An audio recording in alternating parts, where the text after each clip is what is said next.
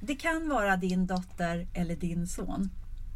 Hur kommer det sig egentligen att kvinnor i vår närhet utsätts för grova våldsbrott utan att någon i omgivningen reagerar?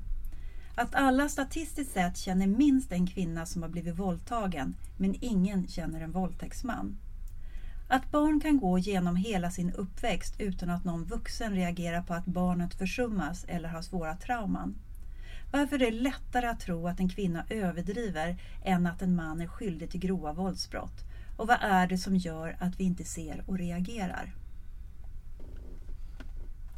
I min bok så har jag ett citat som jag ska läsa. Först dödar jag din kusin, sedan din mamma och du kan välja hur jag ska döda dig med hagel eller kula. Citatet kommer från Anton, en ung kille i 20-årsåldern som uppfattas som en kul och trevlig kille med många vänner. Han är framgångsrik i sitt yrke och har blivit uppskattad för sin medverkan i ett populärt tv-program. Men Anton är också en person som utsätter sin flickvän Julia för grova kränkningar, regelbundna bestraffningar, allvarliga dödshot, brutal misshandel och råa våldtäkter. Och Julia, vem är hon? Julia är en utåtriktad och framåt tjej med en trygg uppväxt, närvarande familj och flera nära vänner, boende i en av Sveriges mest privilegierade kommuner. Mm.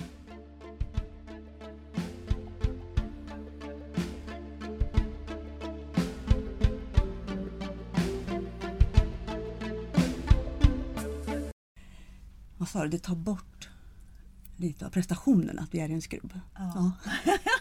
Eller hur? ja, men det, det, är lite det man vill förmedla tycker jag.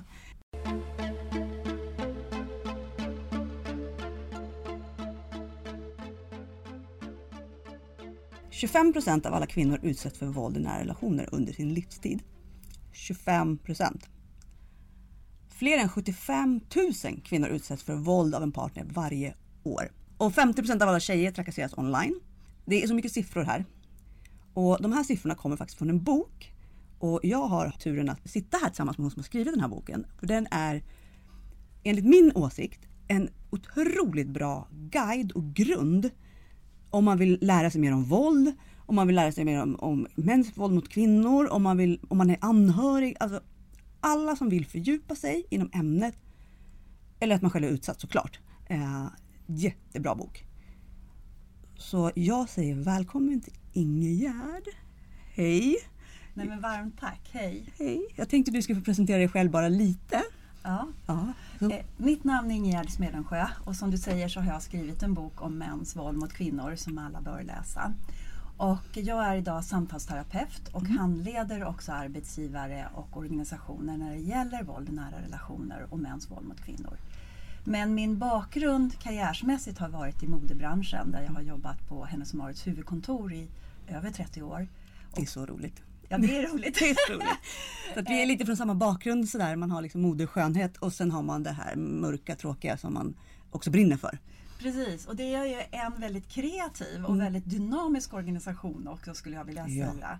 Eh, som är väldigt effektiv på olika sätt. Mm. Och sen har jag också parallellt varit nästan åtta år också varit aktiv i en kvinnojour i Stockholm. Mm. Eh, bland annat som ordförande ansvarig för kommunikation. Och jag har också varit med och startat upp en ungdomsjour.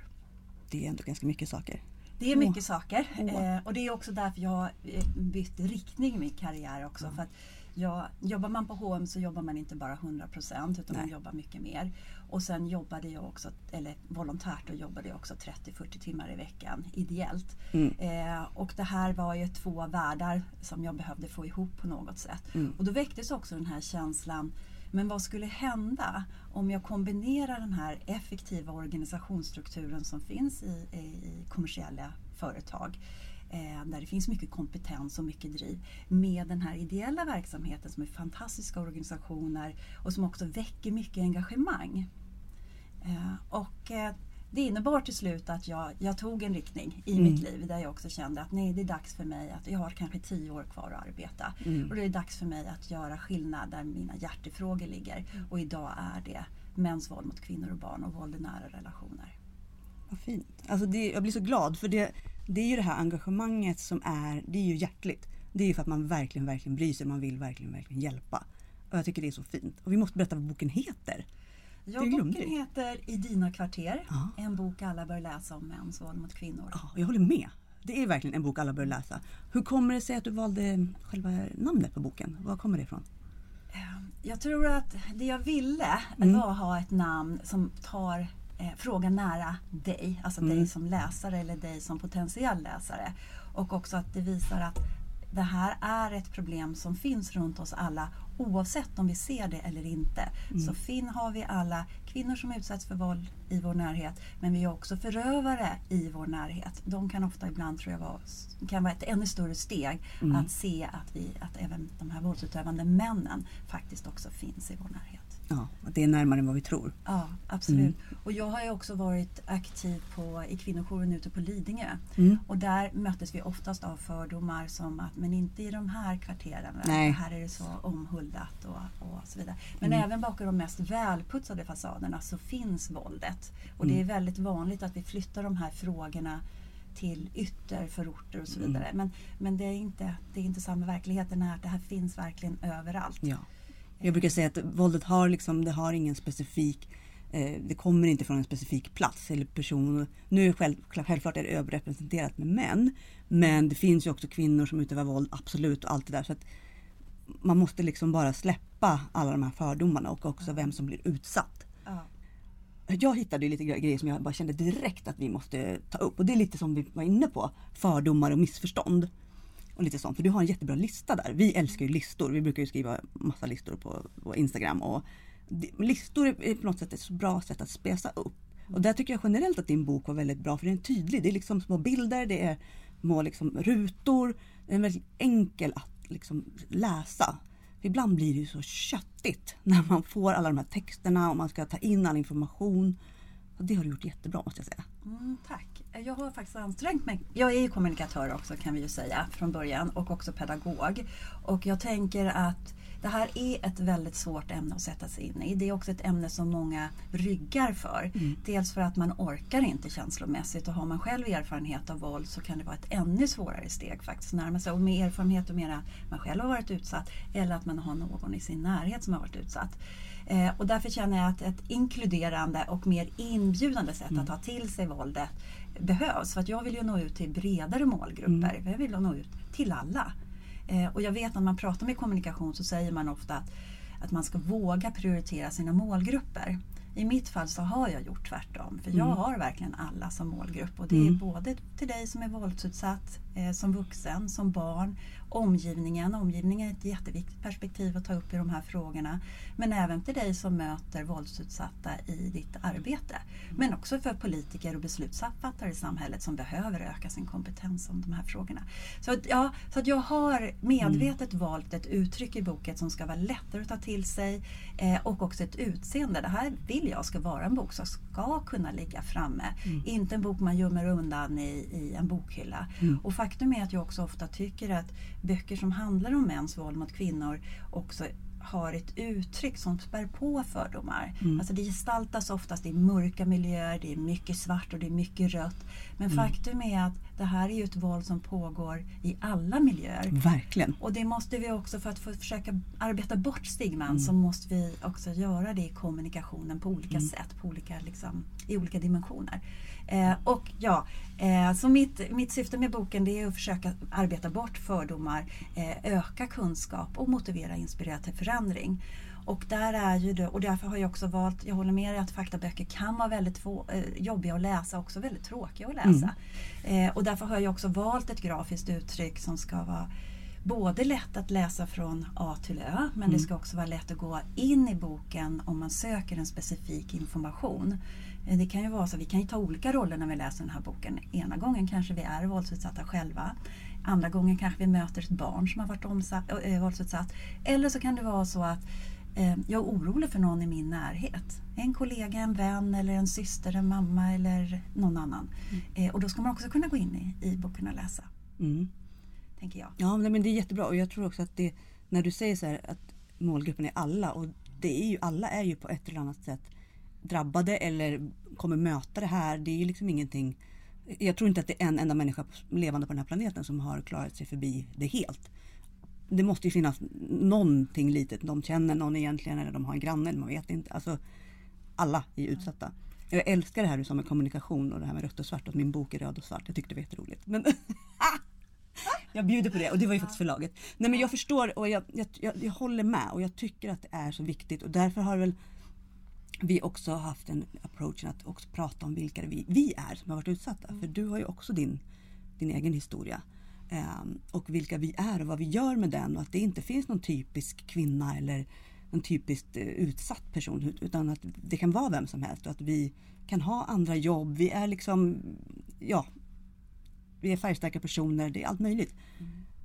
Och vi kan vara utsatta och att vi kan samtidigt, liksom, som jag har ju gått den här resan att jag har försökt hitta tillbaka till livet igen. Samtidigt så bär man den här ryggsäcken med eftervåld som vi var inne på lite när vi träffades. För eftervåldet är ju också jäkligt jobbigt att ha att göra med. Och man ska lappa ihop sig själv och man ska göra allt det här. Samtidigt som man är då kanske någon på jobbet som ska leverera, vara kreativ och allt det här. De här grejerna krockar ju och det är ju liksom otroligt svårt och komplext ämne. Eh, så att det finns ju egentligen, som, det är därför det blir böcker av det här. För att man kan liksom inte ta allt. Utan jag tänker vi börjar med de här myterna. För det känns ändå som en bra start in i det här. Mm. Vad tycker du? Ja men det låter bra. Mm. Och jag är glad för att du tar upp det. För det, vi pratar väldigt mycket om fördomar och förutfattade meningar och mm. stigman. Men det är väldigt sällan vi pratar om de eh, specifika fördomarna som verkligen finns. Och vi, det är ju sällan vi är medvetna om de fördomarna vi bär utan det är våra sanningar vi går omkring på oavsett om vi har präglats in dem eller, eller av andra anledningar. Ja precis, vi tror ju att det är, det är sanningen. Det är, jo men det tror ja, jag, för det är den verklighetsuppfattning vi har. Och jag måste själv säga att jag har ju också tillhört de som har haft fördomar innan jag själv drabbades. Mm. Eh, och det, för mig var det också en rätt stor utmaning och en stor aha-upplevelse. Jag bar väldigt mycket skam i början, måste jag erkänna. Och det var ju det som sved mest inom mig. Men också acceptansen att jag hade blivit utsatt. Mm. För det, det, det lirade inte med min verklighetsbild. För mig var det så att kvinnor som utsätts för våld de eh, tror sig inte vara värda kärlek och söker sig till dysfunktionella män eller dysfunktionella relationer. Men jag, det här var ju min första erfarenhet och jag var i 40-årsåldern när jag utsattes mm. för våldet. Och innan det så hade jag haft många långa fantastiska relationer. Så det fanns inte i min världsbild att jag kunde vara utsatt. Och det tänker jag att det hör man ofta när man sitter på middagar så hör man sånt här. Men det skulle aldrig hända mig. Det är mm. ju en, någonting man hör ofta. Ja. Eller jag skulle gå vid första slaget. Mm. Och faktum är att jag hörde det senast igår i ett mm. samtal som jag hade. Eh, och det här är väldigt olyckligt för det spär också på stigman. Det visar inte bara på okunskap men samtidigt så är det också så att det lägger skuld och mm. skam på brottsoffer. Och det är allvarligt och det, jag tror inte man gör det medvetet. Eh, men det visar på okunskap och mm. att man inte har så att vi kan ju döda den först. Ja, vi börjar, det, var, det, det är ju verkligen nummer 13 det skulle aldrig hända mig. Det skulle aldrig hända mig, precis. Ja. Eh, och det är verkligen en fördom som, mm. eh, har man läst min bok så hoppas jag verkligen att ingen någonsin skulle kunna tänka sig att Nej. säga en sån sak igen. Nej. För att det är också det som bidrar väldigt mycket mm. till de stigman som finns i samhället. Redan bara genom att tänka så så har vi också lagt eh, stigman på mm. en person som faktiskt behöver stöd och hjälp istället för hjälpa. Och här överlag så tänker jag att vi måste också vända de här frågorna mer, inte, så att det inte bara handlar om kvinnor som blir våldsutsatta utan att vi också skiftar fokus ibland mm. så att det handlar om männen som utsätter. Ja. Ifrågasätt inte kvinnan, ifrågasätt istället det här manliga beteendet. Ja. Och det tycker jag är jätteviktigt. Ja, och jag har faktiskt, Linda är ju med eh, på, på en liten fin mail hon ville ju vara med här och hon var faktiskt var en av hennes också så här, hallå, vi måste rikta fokuset mot männen. Varför gör de så här?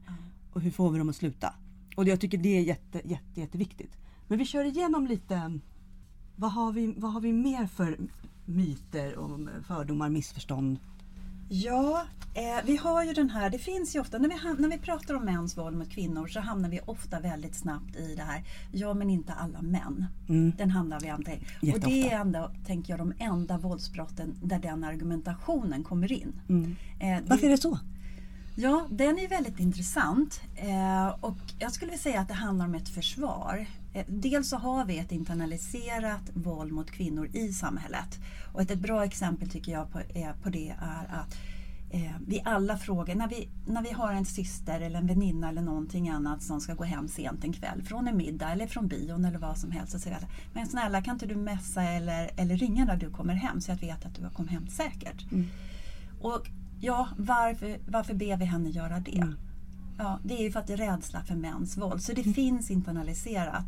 Och jag tror alla kvinnor i samhället också har varit med om en situation där de känner att, att en man approachar dem på något sätt av någon anledning och de måste balansera honom så att inte han blir aggressiv. Mm. Oavsett om det är tunnelbanan eller en bar eller någonting. Mm. Så det finns i samhället. Det finns en, en rädsla för, för, för mäns också en liten normalisering också där. Ja. Att man bara, vi ringer och kollar och så att vi är okej. Skicka ett mess Ja, när du kommer ja. hem. Alltså, att det är Ja. så här, ja, det, det gör vi ju bara. Ja, Inga konstigheter. vi ifrågasätter inte ens det. nej. Hallå?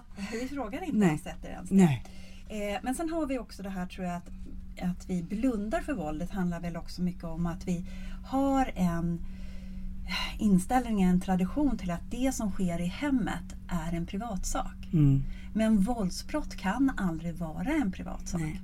Det är fortfarande brott även om det är, sker Mm. i hemmet. Och kanske ännu allvarligare brott skulle jag vilja säga för de som utsätts för våld i hemmet.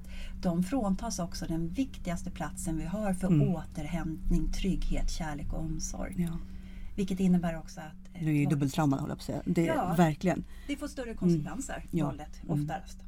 Eh, Det och, tror jag är jätteviktigt. Och jag menar, det var ju ändå lagligt för inte så många decennier sedan Nej. att slå sin fru. Ja, Och det är ju helt absurt. både slå sin fru och sina Alltså, barn. det är så absurt man blir helt galen. Men ja, jättebra. Den är, den är väldigt viktig. Jag skulle vilja prata lite om de här männen. För det här är, det finns på några punkter också. Men vi kan ta den som eh, män som misshandlar, att de inte kan kontrollera sin aggressivitet. Mm. För det är många som pratar om att de har så mycket testosteron och de är liksom de blir ett brusar upp och hela det här att man liksom gör mannen till något okontrollerbart testosteronstycke som inte kan fatta vettiga beslut. Att de är liksom någon slags bufflig stenåldersman som inte ja, kan skilja på rätt och fel när de blir upprörda. Utan då tappar de all rim och reson och bara, vad är det?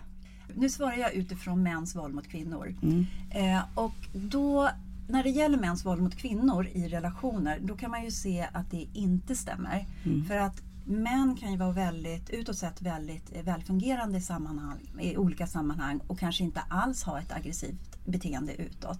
Men bakom stängda dörrar i hemmet så händer någonting helt annat. Eh, och hade mannen varit helt okontrollerad då hade ju han uppvisat det här beteendet utanför hemmet också, på gatorna, eh, i olika sociala sammanhang och så vidare. Men när det gäller mäns våld mot kvinnor då blir ju oftast det en hemlighet som stängs in i hemmet. Och det tycker jag påvisar att nej, det stämmer, den, den, det du säger stämmer inte i Att de kan fallet. kontrollera. De kan Mm. kontrollera sig för bes- bestraffningar och hot och så vidare. Det hamnar bakom stängda dörrar och när inga vittnen finns. Mm. För där vet jag många kvinnor man har pratat med som säger liksom att min man är fantastiskt omtyckt på jobbet och han är hit och dit och det är en jättebra person tycker många. Mm. Där någonstans då, då blir det den här bilden av vad då kanske deras vänner har för i deras relation. Ja men ni ser ut att vara lyckliga och sen så kommer man hem och så är det inte alls så. Alltså att det är liksom, liksom två olika personer. Och här kommer vi tillbaks till fördomar igen, Mm. tänker jag också. Vi pratar om fördomar vi har om kvinnor som misshandlas, men vi har också fördomar om män som Mm. brukar våld. Och det här, som du säger, det här är ju inga monster utåt sett. Det är väldigt sällan det här är män som ser ut som monster. Mm. Men vi vill gärna demonisera män som misshandlar eller våldtar. Men faktum är att det här kan vara hur välfungerande personer, väldigt karismatiska, framgångsrika Mm. eh, och socialt begåvade personer. Ja, och personer som kanske hjälper andra och gör jättemycket gott. Men det finns faktiskt den andra personen där inne också. Ja, Liksom. Att, ja. ja. Och därför tror jag också att det är väldigt svårt eh, de gånger kvinnor lämnar en relation eller behöver ha hjälp att lämna. Då innebär det också att omgivningen måste förstå också Mm. att det här kan vara en sanning även om inte våldsutövaren är den personen eller den profilen, har Mm. den profilen som man tänker. Och det, det tror jag är ett jättestort steg för många och därför tror jag också att i de här schismerna som ofta blir när man lämnar en, en, en våldsutövande partner då blir det lite som om omgivningen behöver ta ställning väldigt ofta. Mm. Vem tror man på? Mm. Och då har vi en kvinna som är nedbruten, försöker lämna. I hennes intresse ligger det väldigt sällan att sprida ut att mannen är en våldsförövare. För att Mm. dels så har hon oftast en väldig rädsla för mannen. Hon bär ofta ofta väldigt mycket skam och skuld för det hon har utsatts för. Eh, och sen har vi mannen som kanske fortsätter att briljera med sitt fantastiska beteende som han också har. Mm. Eh, hans dubbelhet om man säger. Och, eh, och där han kan vara väldigt välfungerande. Och sen också i eftervåldet så ingår det oftast att han svartmålar henne Mm. på olika sätt. Och det är väldigt vanligt, det kan vi se i polisutredningar men Ja. också när vi möter kvinnor. Och då handlar det ofta om att man utmålar henne som psykiskt sjuk, sjukligt svartsjuk eh, och liknande. Mm.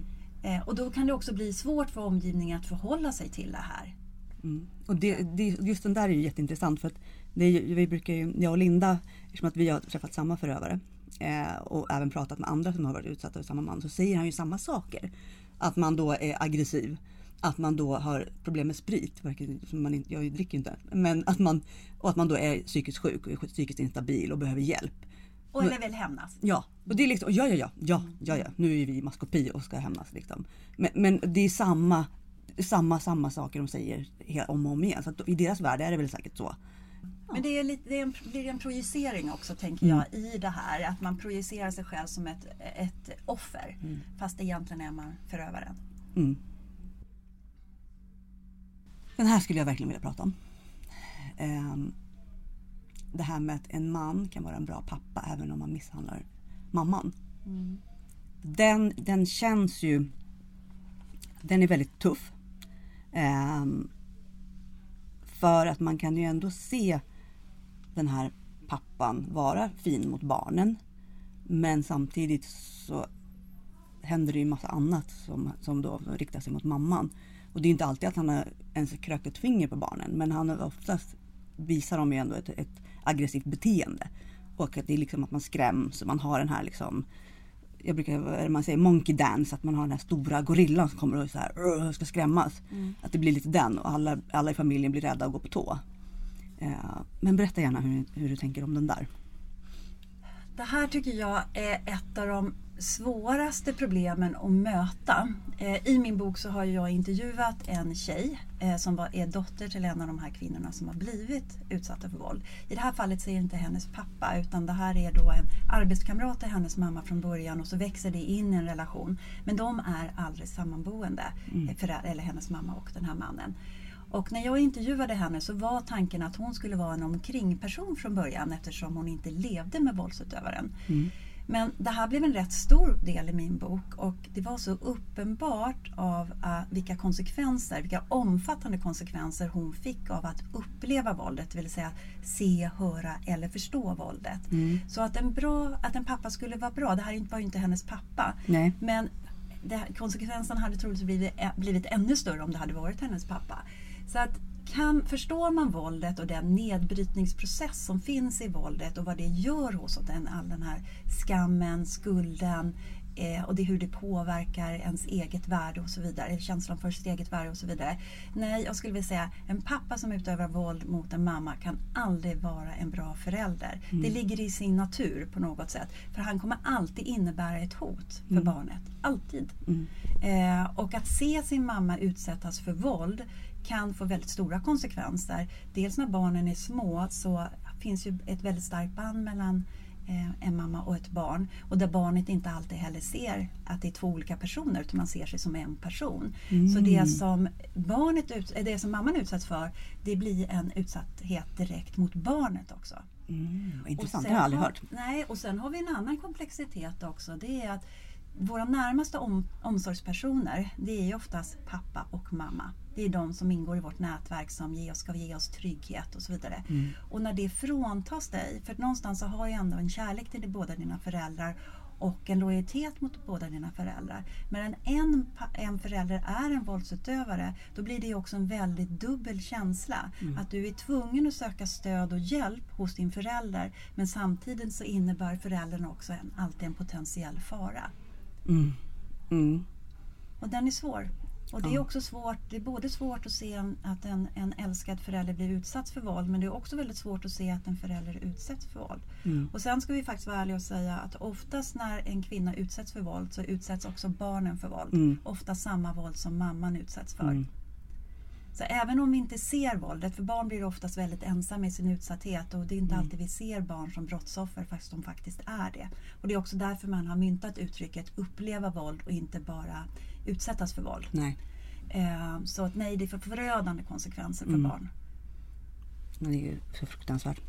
Ja. Mm. Men där är oftast föräldrarätten, eller i det här fallet oftast papparätten, starkare tyvärr än barnens rätt i Mm. samhället. Trots att vi har barnrättslagarna nu som ska Ja, ta barns eh, bästa i, i fokus. Och i min bok, jag måste återkomma mm, till den. ja det måste du Ja, göra. för där finns det en kvinna som heter Charlotte och hon har gemensamma barn med förövaren. Mm. Och han blir häktad genom en akut, ett akut polisingripande. Och eh, då kan man också se de trauman som hennes son också upplever. Och de är omfattande. Och i det så eh, säger också socialtjänsten, socialtjänsten blir inblandad oftast när det är pol- polisingripande och barn finns eh, med i bilden. Och så säger också eh, socialtjänsten till henne, eller rekommenderar henne att söka ensam vårdnad om barnet för att skydda barnet från pappan. Eh, till slut blir också traumaenheten på BUP inblandad och de avråder också från kontakt med förövaren så länge barnet har trauman. Och även faktiskt från förövarens eh, närstående. Mm. Eh, och polisen avråder, avråder för, eh, från att ha kontakt. Mm. Och ändå dömer tingsrätten till vårdnad. Eller umgänge i det här fallet Mm. först. Umgänge med pappan. Alltså man blir arg. Man blir Ja. arg. Ja. Men hur, ja. Det är också ett poddavsnitt. Det är också ett poddavsnitt. Ja, det finns mycket. Det finns en anledning att jag skrev en bok. För att jag har, har suttit i intervjuer och föreläsningar och man känner alltid att det här är så komplexa ärenden. Mm. Och det är så mycket man skulle behöva få veta. För oftast får man fragment här och Mm. där. Men de är oftast inte tillräckliga för att förstå omfattningen, Nej. tänker jag. Eh, Verkligen. Och det är som sagt det är så många delar. Så många, det, är så det här pusslet. Det är, liksom, det är så svårt att bara liksom para ihop alla bitar och hitta liksom tills det är lagt och lugnt. Det är så lång väg dit. Ja. Så där tänker jag, Ja. därför har jag skrivit en, en ganska omfattande bok om Ja. våld. Men jag har också lyssnat igenom era poddar och där ser jag att ni lägger också det här pusslet. Mm. Och nu säger inte jag att alla äh, våldsutövande män har personlighetsstörningar som Nej. psykopati eller narcissism Nej, och så vidare. det säger ju faktiskt inte vi heller. Ja. Nej, nej. Och, men jag menar där att, att, men jag kan säga så att Mm. de flesta kvinnor jag har mött har förr eller senare börjat googla på Mm. personlighetsstörningar. För vi kan se gemensamma nämnare hos de Ja. här männen. Oavsett hur forskningen eller studier ser ut Mm. så kan vi se gemensamma nämnare. Ja, och jag tror också att när man, om, man, om jag bara hobbyspekulera så tror jag liksom att Alltså såklart att när man ligger längst ut på skalan att man får den här tydliga diagnosen. Men jag tror ju att alltså många har ju, vi har ju alla egenskaper av det där. Och vi, man påminner lite om saker man gör, man säger, man tänker, man känner.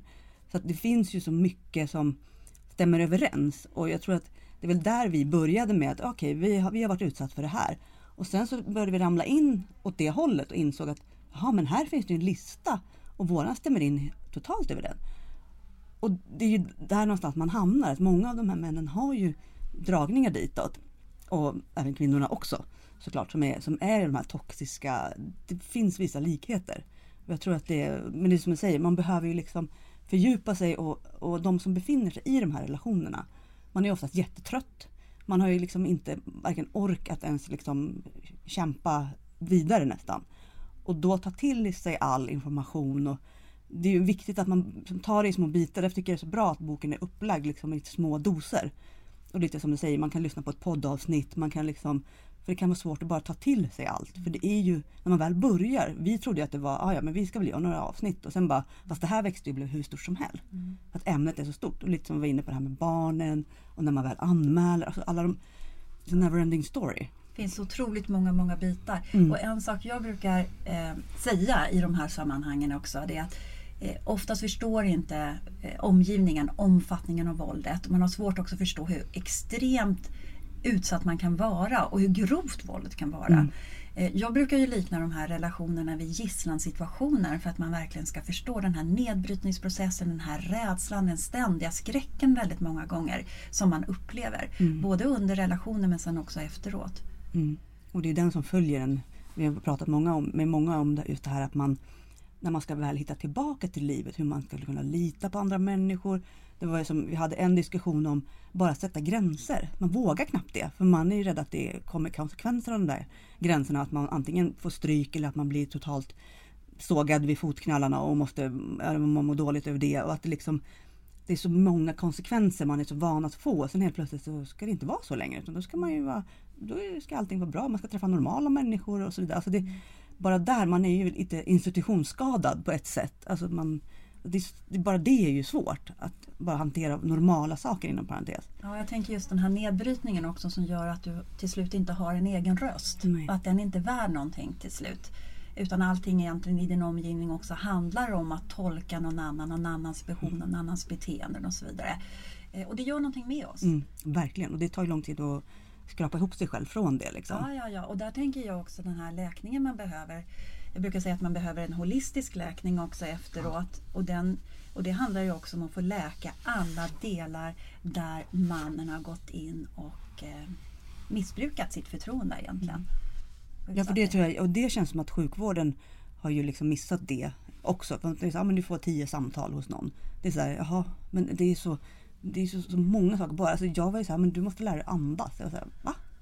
Andas, sluta. Alltså det var så mycket saker som, har, Mm. och som också är en del av hela den här läkningen. Och, och, ja, det är ju så komplext. Ja, det är oerhört komplext. Och jag tänker ofta att vi behöver, har vi inte kunskapen så måste vi närma oss de här frågorna också med en stor portion ödmjukhet, att vi faktiskt har kunskapsbrister. Det här med, för det är många också, inte, både den här, inte alla män, men också så här att vissa kvinnor söker sig till män som har det här beteendet och lite bad boy syndromet och hej och hå. Kan vi bara ta den? Ja, det är en av de fördomar jag själv har haft en Mm. gång i tiden. Jag tänker att det man ska tänka på när eh, de här relationerna börjar precis som vilka andra relationer som helst. Med kärlek, med omtanke, med att man bygger upp tillit, förtroenden. Också delar väldigt mycket kanske av sin egen sårbarhet, vilket man gör när man träffar någon som betyder väldigt mycket för en.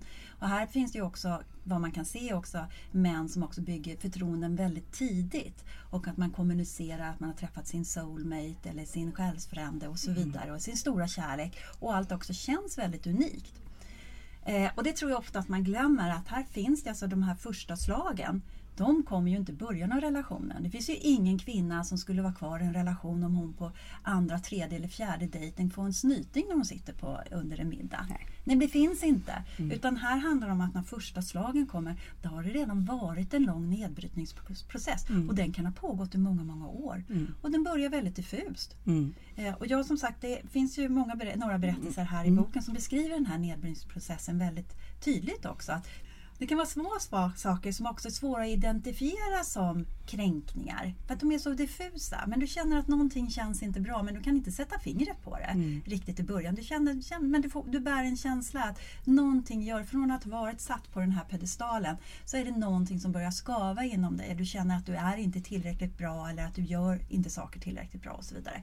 Så att, och sen kommer det här vara en successiv process. Och jag beskriver i min bok också sex olika processer som bidrar just till den här nedbrytningen. Och det blir lite svårt att ta upp dem här i den här korta podden. Ja. Men, men man ska vara medveten om det att det här är ju oftast väldigt härliga män från början. Och de kan fortsätta vara härliga och vä- växla mellan den här varma härliga mannen man träffade i början med det här, om vi får kalla honom monstret nu då, med den här andra personen. Det är inte ovanligt att kvinnor kallar de här männen för eh, Mr Hyde. Och, Mm. Ja, Dr Jekyll och Mr Hyde. Ja. Precis. Mm.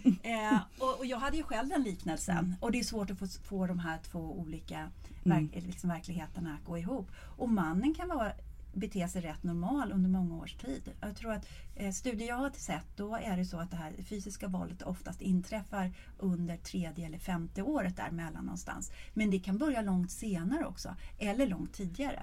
Det är väldigt, väldigt olika. Och sen är det ju lite som vi var inne på också att det, det, det, det, fys- alltså det psykiska våldet det blir ju fysisk, alltså det blir fysiska liksom, konsekvenser av det. Så att jag kan ju tycka att liksom, när det första slaget kommer då har det ju varit så många grejer som har gjort likadan skada. Nästan. Så att det är liksom, och det kan ju börja ganska tidigt men man märker inte det. För att de har de här personligheterna, de gör de här sakerna mot en och du, man har den här nedbrytningsprocessen så kan man liksom inte riktigt man ser inte att man blir liksom psykiskt slagen. Nej. Fast man egentligen ganska tidigt kan bli det. Och sen som du säger, vissa har en, jätte, en längre romantisk period där i början. Allting är den här liksom fasen av kärlek och det är hej och allting är så fint. Och vissa kan det börja lite snabbare med men det är ju fortfarande samma det samma grej. Det börjar ofta jättebra. Mm. Även om det sen kan ganska snabbt bli små dåliga grejer. Men övervägande så ska man ju ändå känna den här euforin av den här personen och det är det de vill. Och den, den euforin gör ju också att det är svårare att liksom se klart. Ja. Och sen ska man inte heller glömma att våld är ett väldigt brett begrepp. Ja.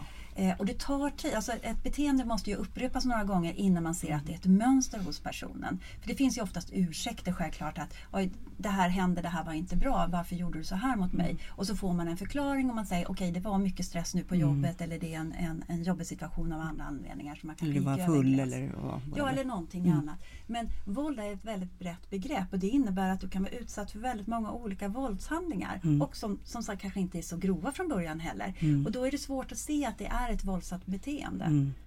Jag tycker det är jätteviktigt. Och jag ja, tänker och, och jag vill också bara Ja, lägga till det. ja. Psykologisk nedbrytning går oerhört fort. Ja. Det går jättesnabbt. Så när det första, första slagen kommer, då har du redan som vi sa varit Mm. med om en psykologisk nedbrytning under en lång tid, kanske under flera år.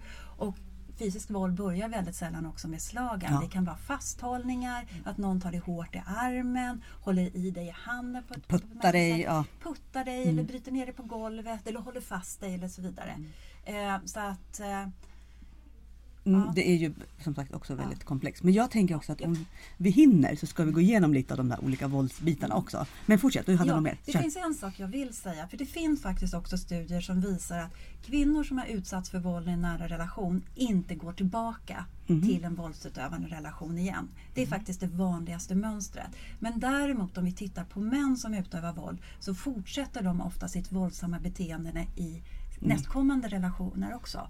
Så ja, den tycker jag vi ska ta med oss när vi, för Mm. vi har en tendens i samhället tycker jag att vara väldigt dömande mot kvinnor som utsätts för våld. Mm. Eh, men jag tycker att det är så fel och det är väldigt beklagligt att det är så. Mm. Vi pratar om våldsbrottsoffer nu.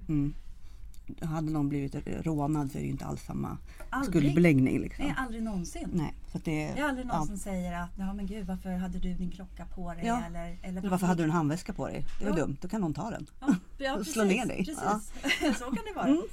Nej men absolut. Det är, jag tror att många av de där grejerna, men det kanske blir bättre och bättre ju mer vi pratar om det. Jag vill ändå hoppas och tro att framtida generationer kanske får ett lite annat synsätt.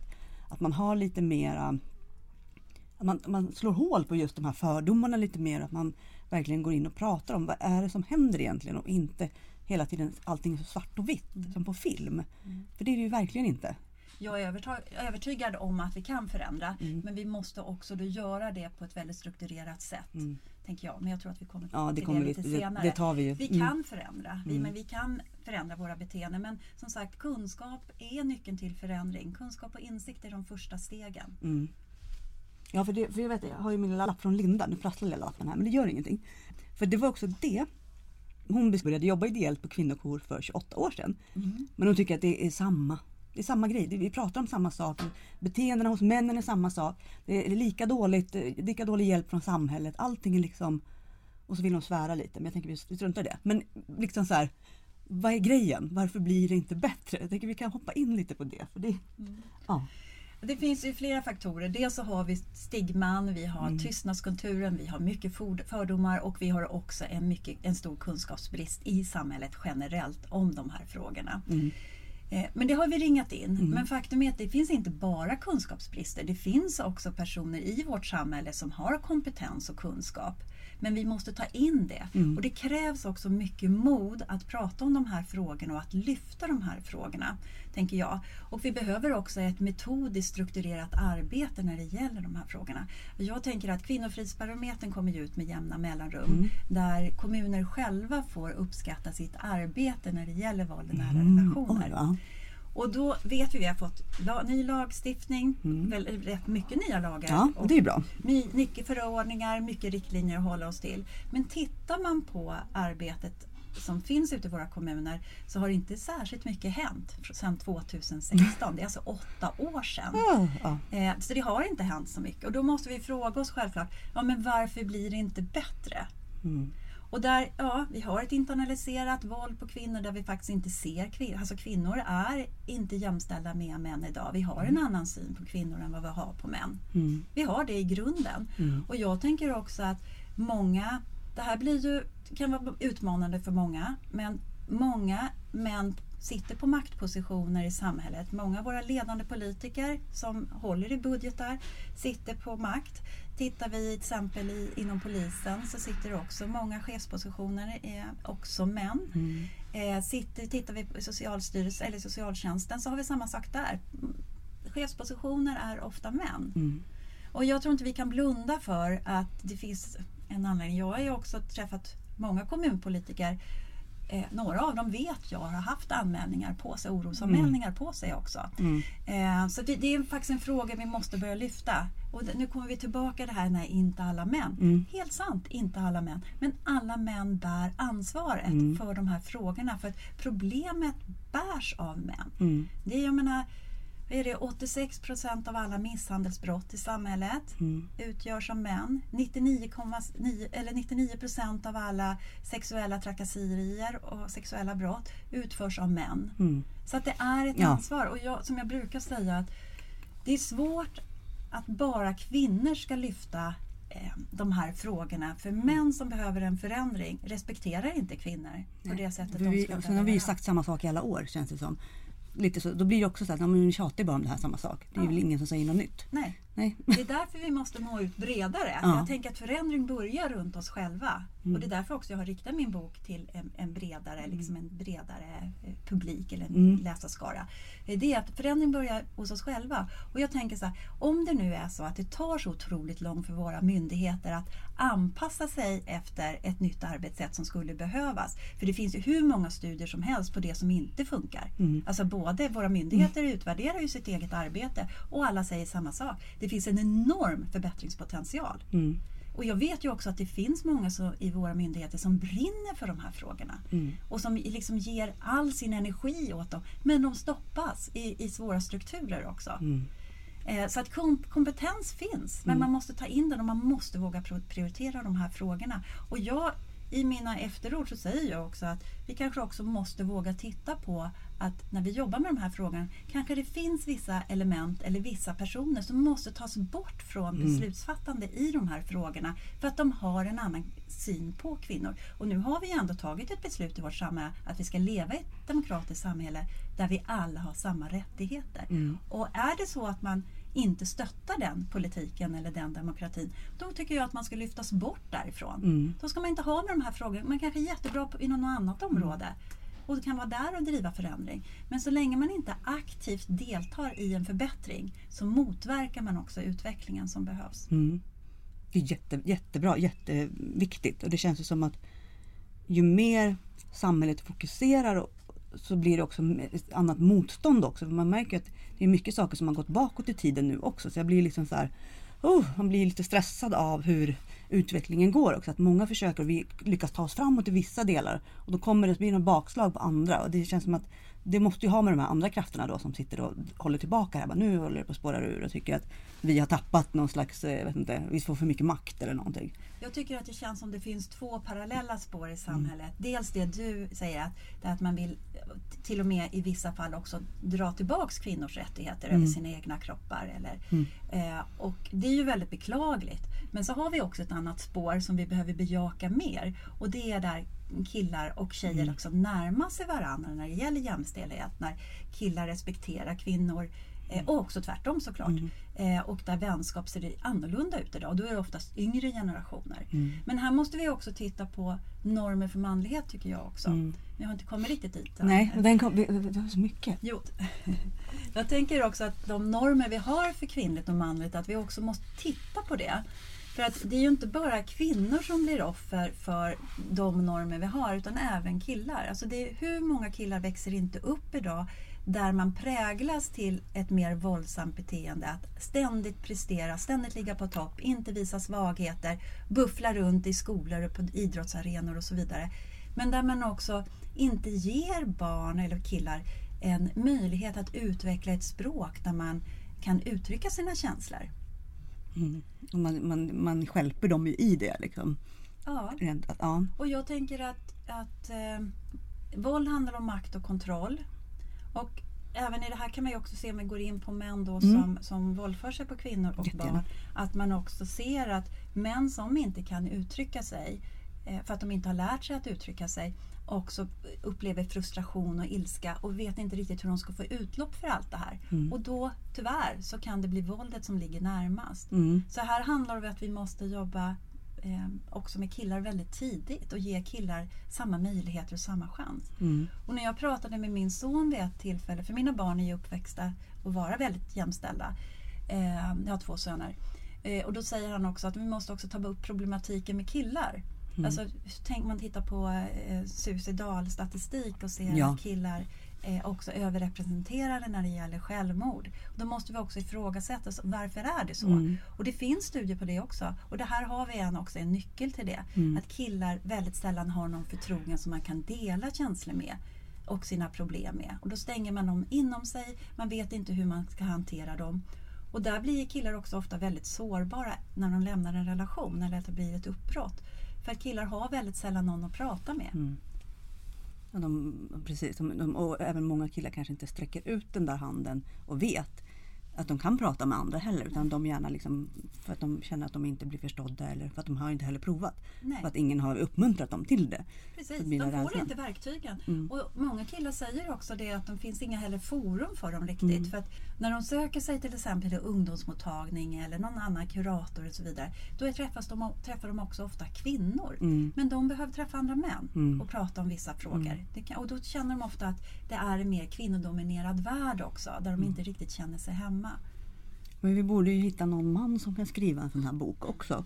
Just för att skriva den ur ett manligt perspektiv och prata om det här våldet men utifrån att man som man kan vara en förövare också. Alltså, Och det finns. ja, gör det. Ja, jag, Ja. Men, jag kan inte ge en rekommendation på någon bok men det finns organisationer som jobbar Mm. med män och Mm. mäns våld och, och normer kring män. Ja. Organisationen MAN till exempel. Och I min bok så har jag citat från flera olika personer som också jobbar med frågor ur olika synvinklar.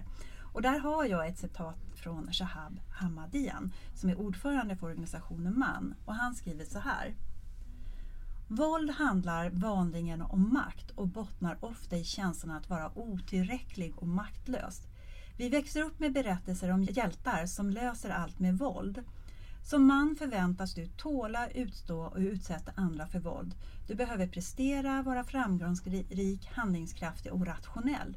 Det finns inte utrymme för känslor och mjuka värden för du har blivit lovad sex och status om du kan leva upp till de förväntningarna. Jättebra sagt. Ett väldigt bra Ja. citat som beskrivs som blir en bra Mm. summering också vad, vad killar också växer upp med i Mm. vårt samhälle. Jätte, jätte, jättebra.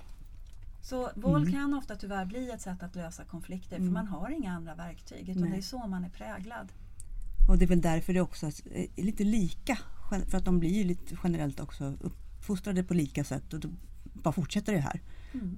Det, Och jag ja. tänker grupptillhörighet också är väldigt eh, viktigt för män också Mm. såklart. Man har den här grupptillhörigheten. Och där tänker jag också hur viktigt det är att man också blir guidad åt rätt Mm. håll. Och där är ju andra män viktiga förebilder. Mm. Och jag tänker att när man tittar på samhället och många manliga förebilder som lyfts upp och hyllas Mm. så har de ofta en rätt toxisk maskulinitet. Mm. Det är väldigt många idrottshjältar om man säger så som, som också har en toxisk maskulinitet. Mm. Och i mitt perspektiv så har jag ofta undrat varför väljer man dem i Mm. reklamkampanj eller i modekampanj eller någonting annat och inte någon annan man Nej. då som har det här som jag brukar kalla den mer moderna Mm. manligheten. De mjuka värdena och ja. Ja, för jag menar män behöver ju, de är ju också känslosamma Mm. varelser som Mm. också har ett, liksom ett brett spektra av känslor. Ja, för det blir ju lite det här som jag var inne på innan, att man, man, gör dem till någon slags stenåldersman. Ja. Och som, som bara grymtar och bufflar runt. Att det faktiskt inte är så. Att de har ett djup som de kanske inte får uttrycka och de får inte rätta verktygen. Det blir som ett, en, en form av begränsning. Som att vi inte ger dem ett språk som de behöver. Sen ska man ju självklart inte se på det som att de är mindre intelligenta och att vi ska tycka synd om dem. Det är inte det jag menar utan bara att man får se lite vad, vad är det som görs med de här när de växer upp också. Och samtidigt ska vi aldrig ta ifrån heller att ens egna handlingar är ens eg- egna ansvar. Mm. Men det finns förklaringar också. Mm. Men det är aldrig en ursäkt att utöva våld mot Nej. någon annan. För det ansvaret, det tar du. Dina Mm. handlingar äger du ansvar för. Och kan du inte kontrollera ditt beteende eller utöva våld mot dina närstående, Mm. då är det din uppgift också att se till att du får rätt hjälp. Verkligen. För det tycker jag ofta att det är ett problem. Att många män nu ska jag inte generalisera, men jag gör det för att jag, det är min podd. Men skitsamma. Att många män, just det här att de, vill, de säger att ja, jag ska söka hjälp, jag ska göra det. Men att de sen inte gör det och många kvinnor går ju också på den där att ja, men okej, men han ska börja gå psykolog nu så vi försöker igen. Och, Men så händer ingenting just för att de inser inte att arbetet är ganska svårt och det tar mycket tid och kraft. Och det behöver att man, man måste titta på sig själv ordentligt och det kan vara väldigt, väldigt jobbigt. Och den biten orkar de inte ta för det är ingen quick fix. Det är inte som att spela den här fotbollsmatchen och göra det här enkla, det snabba. Nej. Nej. Och det krävs också mycket motivation som du säger för det är ett omfattande arbete och det finns inga quick fix. När vi ska jobba med, med, med grundläggande förändringar i våra personligheter eller i våra beteende då krävs det ett gediget arbete och det Mm. kan ta flera år också. Eh, Så, absolut. Men Mm. samtidigt måste det också finnas behandlingsprogram i samhället också som, som, som hjälper. Mm. Och det finns ju en del studier också på de, eh, de programmen som till exempel har funnits i kriminalvården att det fa- faktiskt inte finns eh, några vedertagna studier som visar på en, en kraftig förbättring heller. Nej. Och det är också en problematik tänker jag Mm. att, eh, att man också måste hitta forum för att få hjälp men man måste också få insatser också som, som gör Mm. Som skillnad. tar, hjälper till på Ja. vägen. Mm. Ja. Men någonting som också förenar män också som utövar våld mot kvinnor det är ju kvinnosynen. Mm. Det ska vi inte heller glömma bort. Nej. Att den ligger där. Att Mm. man anser sig ha andra rättigheter i grund och botten. Mm. Som man. Och jag, jag kan ju tycka också att många är att man anser att man äger personen. Att, det, att den här partnern då blir som en ägodel som man bestämmer över. Att det finns, även om jag har hört vissa förövare och vissa, pratar om vissa kvinnor också, att deras man kan vara väldigt jämställd och de hjälps åt i hemmet och sådär. Men det finns det här ägandet när hon ska göra för mycket saker utanför deras relation. När hon ska göra, kanske förändra sitt beteende. Det är då då kommer krocken. Så länge de bara är hemma kan det gå bra allting. Och att de, de, är sam, de samarbetar och det är så himla härligt och allting. Men sen då så fort hon vill kanske åka på en semester med en kompis eller något, då, börjar det, då blir det svårt. För att då flyttar hon liksom sin, det här skyddet på något sätt. Alltså, man, de tappar kontrollen lite. Mm, precis, man tappar kontroll. Och sen, Mm. så, sen ska man inte heller glömma också att normen i samhället handlar ju inte om bara om en eh, kanske en beklaglig syn på manlighet utan kvinnor växer också upp oftast med att behaga män. Mm. Eh, att behaga och många kvinnor får inte heller hjälp att stärka sin röst och kunna säga nej och säga Nej. ifrån. Det är också en annan bit och här Mm. kommer vi in på det förebyggande våldet Mm. väldigt mycket. Att det, det är mycket vi behöver jobba med. Mm. Verkligen. Väldigt mycket vi behöver Och jobba det är med. ju ett avsnitt också. Ja, men sen tänker jag också att ja, det finns Ja. mycket. Ja, så mycket. Ja. så mycket. Ja. Men sen tänker jag att jag vill, skulle vilja att vi kommer in på det är ju också självklart arv och miljö. Ja, kan vi prata om det? Mm. Ja, absolut. Gör det jag Mm. För jag tänker att det är också väldigt viktigt för att vi alla föds ju med olika eh, styrkor och svagheter och olika Mm. förutsättningar precis som vi också ge, växer upp i en miljö som ger oss olika förutsättningar och styrkor och Mm. svagheter även där. Och där tänker jag också att det finns ändå studier som också har visat att det finns en kort gen av en gen som kallas Mm. MAOA eh, i folkmun också kallas våldsgenen. Mhm. Eh, och en tredjedel av världens befolkning har den här kortare ver- versionen av den här genen som gör också att man kan få svårare att eh, hantera vissa beteenden, aggressioner och reaktioner. Så den är, ja, den är jättespännande. Men det man också såg i den här studien det var att själva genen, att bara ha, gå och bära på den gör dig inte mer våldsbenägen. Men däremot om du har upplevelser av svåra, eh, svår utsatthet för våld i din uppväxt så kan det här triggas igång. Mhm. Och där ser man också hur viktigt det är med miljön Mm. eh, där barn växer upp. Att Mm. det är så viktigt att vi har två trygga vuxna människor. Det är oftast två stycken Mm. vi har närmast Mm. oss som är våra föräldrar. Att vi också får liksom lära oss också att knyta an, känna Mm. oss trygga, utveckla sunda relationer. Mm. För det har vi med oss hela livet sen. Mm. Och att lära sig också, då, om vi kommer in på rösten igen, att få, också få lära oss att uttrycka känslor och att, kunna göra det i en trygg miljö. Mm. Vi är många av oss som har varit utsatta för en jäkla massa grejer i barndomen. Men ändå blir vi inte förövare på något sätt utan vi snarare tar hand om andra. Att det blir den reaktionen. Så det, det är också det där att, ja, men han, för det såg jag var med om fördomarna lite. Att, att män har blivit slagna som barn eller att den här förövaren Ja. Att inte kanske... Ja, och det vill jag också trycka på. Eh, bara för att vi har varit utsatta för våld i vår uppväxt så innebär inte det nödvändigtvis att vi blir en förövare. Utan här har också omgivningen väldigt stor betydelse. Utan får vi hjälp och stöd att läka trauman eller att vi har förhållanden runt oss som gör att vi kan eh, hantera eh, det vi utsätts för på ett bra sätt. Mm. Att det också blir eh, Jag, tänk, jag skulle bara vilja prata lite om hur bara återkomma till boken lite. Mm. Får jag göra det bara? Ja, ja, ja, ja, jag är glad för det. Ja. Ja. Nej, men jag tänker på, nu har vi pratat lite om din bok men vi har inte riktigt pratat om din bok. Utan jag tänker att vi behöver hur, Du har ju byggt upp den med lite fakta, det har vi ju förstått. Och sen har du ju då olika kvinnor som har varit utsatta. Eh, och även deras anhöriga är med i boken. Berätta Lena, bara lite grann, lite kort om hur boken är, vad den är, vad det handlar om. Liksom. Ja, jag började med att intervjua tre stycken våldsutsatta kvinnor som hade olika bakgrund, olika ålder och också var utsatt för olika typer av våld. För att det är oftast väldigt omfattande våld och oftast är det ju jag skulle vilja säga att oftast är det väldigt komplett det våldet man ut, utsätts för. Men, men det kan ta lite olika uttryck. Och sen intervjuade jag också en granne till en av de här tjejerna som faktiskt ringde polisen och vilket troligtvis räddade hennes liv den kvällen. Jag har också intervjuat ett par föräldrar och sen så en nära väninna. Och sen intervjuade jag också dottern som jag pratar om, som är eh, en eh, Johanna som är dotter till en av kvinnorna som varit utsatt för våld för att få ytterligare ett perspektiv.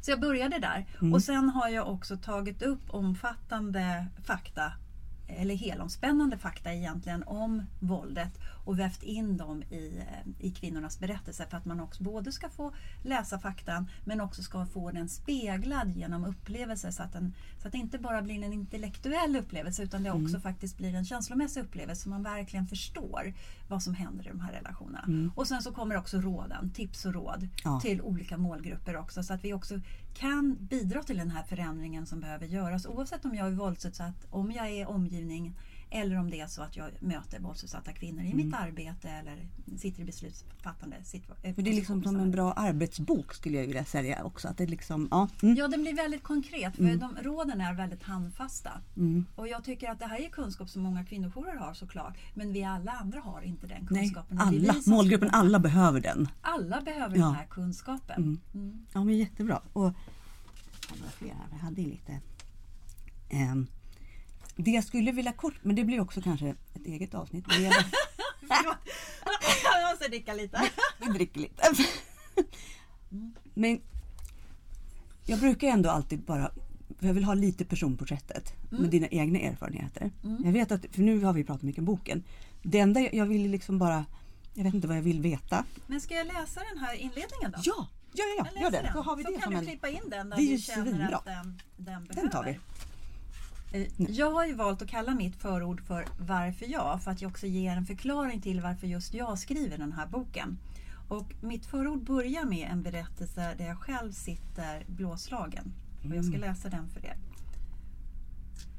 Jag sitter på tunnelbanan. Mitt ansikte är blåslaget och kroppen värker. Men det som svider mest är skammens tårar som bränner bakom mina ögonlock. Varför jag? Hur hade jag kunnat bli henne? Jag kämpar mot mina egna fördomar om kvinnor som misshandlas. I den stunden förändras min verklighet. Från att vara en stark, stolt och självständig kvinna fylls jag av en gastkramande rädsla där jag ständigt ser mig över axeln, redo att fly. Jag möter en omvärld som inte frågar, fast jag står framför dem sönderslagen. Och kommentaren jag fick, troligen i all välmening. Jag kan förstå att sådana män söker sig till kvinnor som du. Som om skulden var min.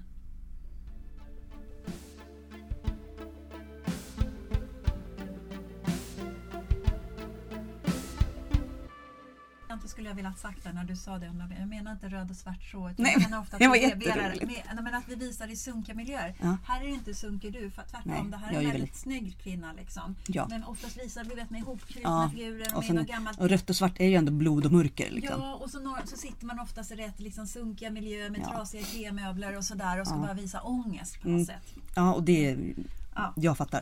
Mm. Jag kanske klipper in det här också. Ja, någonting. Disclaimer! Ja, men, ja, någonting. För att det är lite, för det är lite så frågan och jag förstår det sättet att gestalta frågorna för att det är ett visuellt uttryck för att visa utsatthet och ångest. Ja. Men det spär också på fördomar tyvärr. Ja, och jag, precis som du säger, jag tror att det är jätteviktigt att vi måste prata om det. Och just att vi pratar vi om de här sakerna, ja men då, då tänker man ju på det nästa gång. Ja. Att man kanske, nej men då gör vi det lite ljust eh, och lite så. För att det Likadant faktiskt, för media också, tänker jag generellt när man ska precis. gestalta Och det är som du säger också med den här förövaren, att den behöver inte vara ett monster. Nej. Utan det kan faktiskt vara en jättemysig, härlig, trevlig person som ser ut som skulle kunna vara nästa ny, vad heter det, julaftons eh, den här prataren. Typ Ja, sån som sitter i soffan och tänder ljus och pratar med hela SVT. Men i alla fall, Men jag, en sak jag skulle Ja. vilja nämna, om vi Ja. kan komma in på det. Eh, Jag tycker att dokumentären om Josefin Nilsson var väldigt, väldigt bra. Mm. För där tänker jag också att den öppnade ögonen för väldigt många att se att det här var en framgångsrik, snygg och väldigt folkkär tjej som Mm. hade blivit utsatt för de här våldsbrotten. Och där blev hon ett väldigt viktigt ansikte Mm. för att, och det, det tror jag också tog bort många fördomar och öppnade ögonen för många att det här verkligen Mm. kan hända vem som helst. ja det är jätte, jättebra och den, vi rekommenderar den. Ja, verkligen. Dokumentären om Josefin Nilsson, ja Jag verkligen rekommenderar den. verkligen. Ja. För det var också en av mina frågor. Har du någonting du skulle vilja... För nu har vi ju en hel bok, den ska vi rekommendera, absolut. ja, tack. Det tycker jag, det, det måste vi bara göra. Eh, men den finns ju som ljudbok och alla möjliga... Den finns, som, den finns inte som ljud, ljudbok faktiskt. Vi har pratat om det, men det är en väldigt komplex bok. Ja, det är kanske svårt med fakta. vi, ja, vi har Mm. tittat på om vi kanske ska...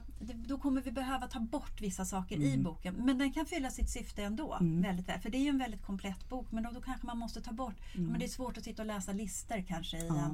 en, en... Men man, kan, Ja. man måste omformulera. Så att Jag fattar. vi har, för jag har fått frågan, många som skulle vilja ha en ljudbok istället. Eh, men som sagt, då måste den nog förändras lite, boken. Mm. Ja, men Men för jag det är ju olika format. Men du får komma hit så länge och prata om den tycker jag. Jag får komma hit Ja. så länge. Och så delar vi in den i olika delar. Eh, jag tycker det här, det här avsnittet har varit jätteintressant och det, vi har ju bara skrapat på ytan. Och det är lite så vi måste göra för det är ju så komplext och det är som du säger, det är därför du har skrivit en bok för att man kan inte bara ta det här på 45 minuter eller en timme. För att knyta ihop det här. Jag, jag hade en av mina frågor i, i den här lilla mejldialogen vi startade med. Och det är lite vad som skulle behövas i samhället för att våld mot kvinnor ska upphöra och vad, vad egentligen som krävs av liksom det stora ja, samhället som ja, vad ska man säga, organism. Mm. Jag tänker först och främst, vi var inne på det tidigare, mod att prioritera mäns våld mot kvinnor. Och då handlar det om att tillsätta resurser. Vi pratar om pengar, budget, eh, men också personer som kan, som är kompetensutvecklade och kan ta de här frågorna. Och det gäller egentligen alla instanser i samhället som behöver höja sin kompetens i de här frågorna. Eh, och, eh, och att vi också tar alla signaler på allvar. Och här handlar det också om att våra politiker måste steppa upp och sätta, sätta de här, eh, prioritera de här frågorna egentligen på agendan. Mm. Det måste upp. Och inte bara säga det inför valen utan också Nej precis och där handlar det också om att vi alla måste också ha tydliga metoder och Mm. rutiner kring de här frågorna när vi, när vi ska handlägga dem. Mm. Och det tycker jag också är väldigt, väldigt viktigt. Vi hamnar oftast, vi gör ofta förstudier och tittar på vad som behöver förbättras. Men man glömmer oftast själva implementeringen vid förändringsprocesser i den kanske mest tidskrävande och mest resurs, resurskrävande perioden. Mm. Och här fallerar vi ofta. Vi tar fram metoder, vi tar fram rutiner och riktlinjer. Men sen är det ingen som liksom vidmakthåller det här och ser till också att det verkligen genomförs i verkligheten. Det här hör jag så ofta. Mm. Eh, och oavsett om ja, det är myndigheter som till exempel får eh, direktiv att de ska fråga om våldet. Mm. Och det är ett jättebra direktiv. Men hur ska de också ta hand om frågorna? Mm. Och vad har man för kompetens då?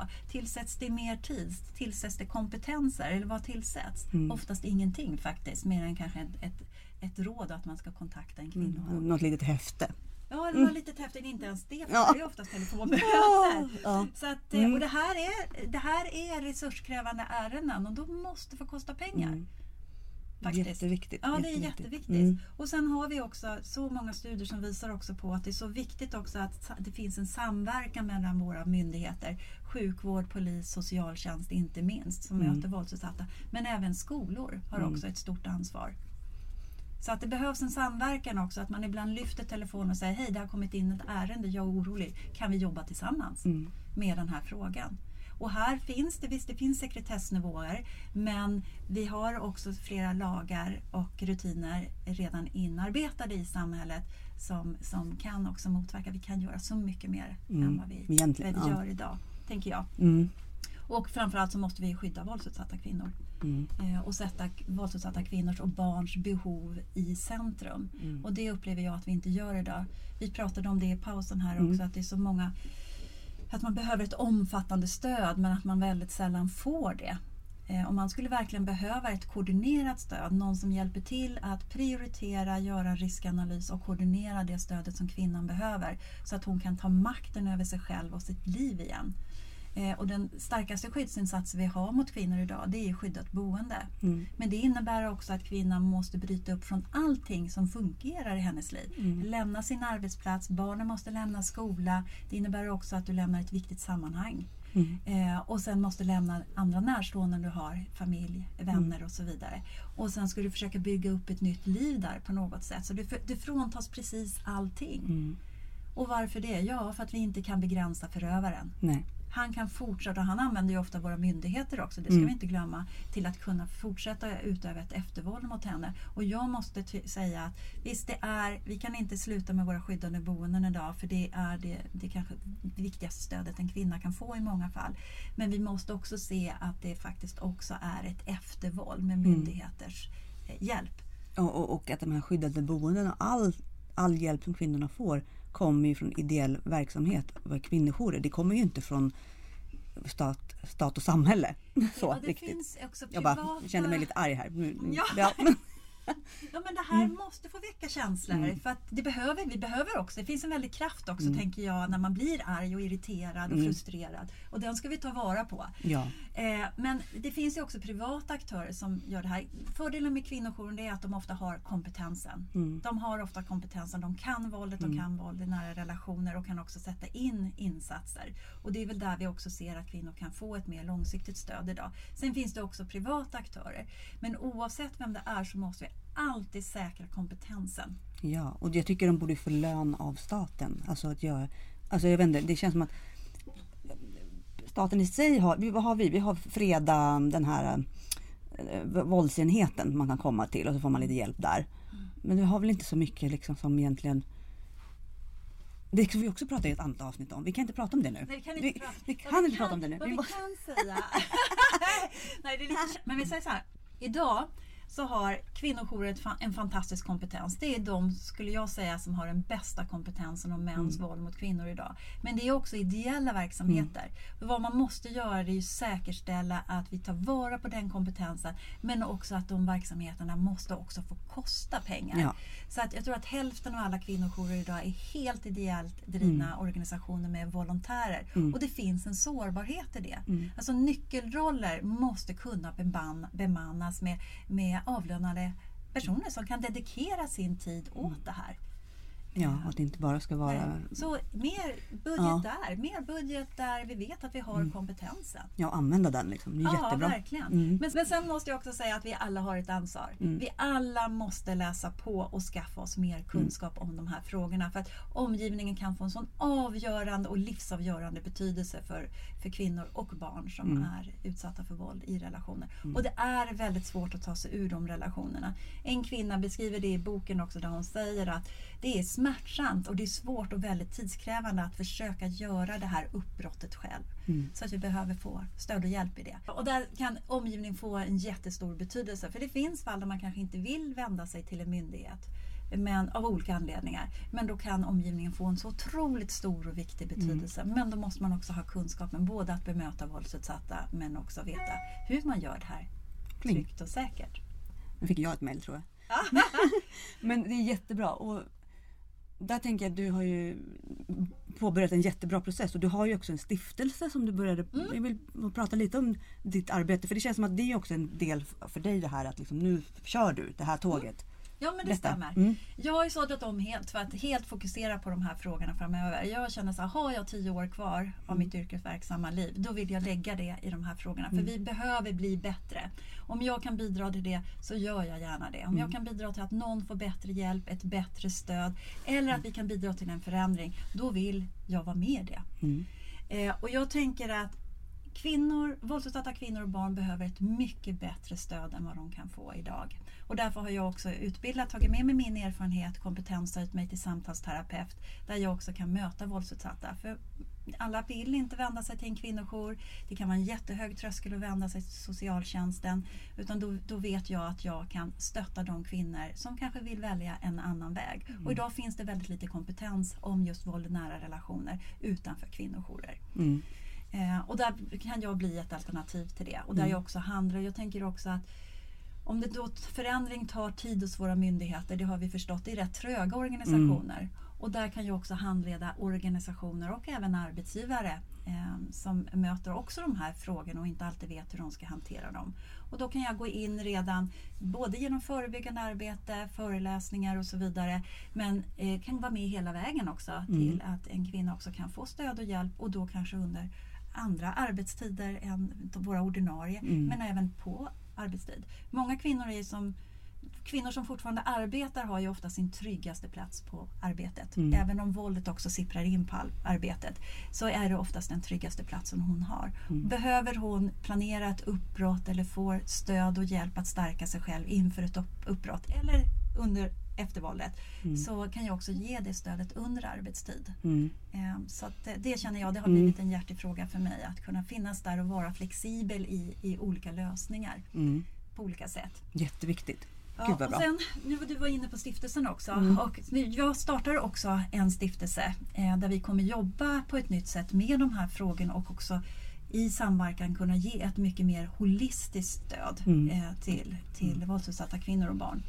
Eh, och det är en jättespännande process och jag hoppas att vi också kommer lansera eh, den här stiftelsen innan sommaren. Mm.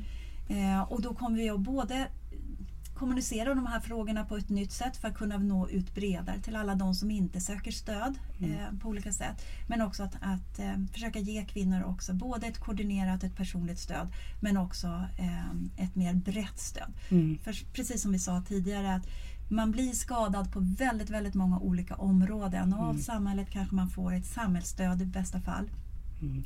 Och nu kom det ju en utredning här bara för några veckor sedan som visar, det är en utredning av det stödet man får på socialtjänsten som visar att i genomsnitt får kvinnor 2,2 aktiviteter. Mm. Två samtalsstöd är väldigt, väldigt lite. Mm. Sen kan det vara för att man själv avbryter men det är oftast ofta kanske man inte riktigt tycker att stödet Nej. fungerar. Eh, och då tänker jag att vi pratar många gånger om eh, mångårigt stöd som man kan behöva för att bygga upp sig själv igen.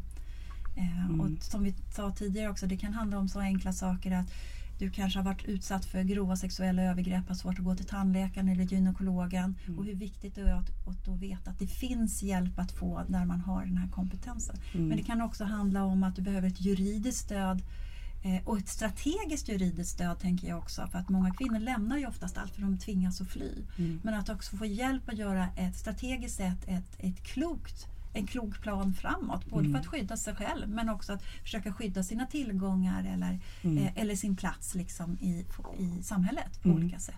Så det är en, jätte, det är en väldigt mm. spännande stiftelse och jag har ett, en fantastisk styrelse ska jag säga mm. eh, där jag har kunnat också använda alla kontakter jag själv har med mm. folk som har fantastiska kompetenser inom många olika områden. Och att mm. driva en stiftelse är som att driva ett företag. Och ja. så jag har verkligen tagit in väldigt många olika kompetenser. Och jag är både stolt, glad och tacksam mm. för, för, för de som är med mig och startar upp det här. Gud, och vi kommer vara verksamma i Stockholm. Mm. Och här finns det inte heller, i innerstan så finns det inte heller så mycket kvinnojourer. Det finns en och det är mm. alla kvinnors hus på Södermalm. Mm. Och de gör ett fantastiskt arbete.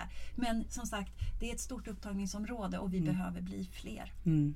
Ja, det kan aldrig finnas för många känner jag. Nej, det kan inte, nej. nej det, det kan inte finnas. Och jag tänker också att eh, det här är en förändring som behövs på många olika nivåer i samhället. Och, och funkar det inte genom myndigheter alltid så bra som vi önskar, då måste vi hitta andra vägar ja. att göra det. Eh, och det gör jag genom stiftelsen men också genom mitt, mitt företagande idag helt mm. enkelt. Vad roligt, vad roligt säger jag, det är inte roligt men det är väldigt bra och jag känner att det finns ju hopp. Man behöver den här typen av passion och driv och kunskap och även nätverk. Ja. Och det, jag, ja, jag följer dig på vägen och jag kommer verkligen hålla alla tummar.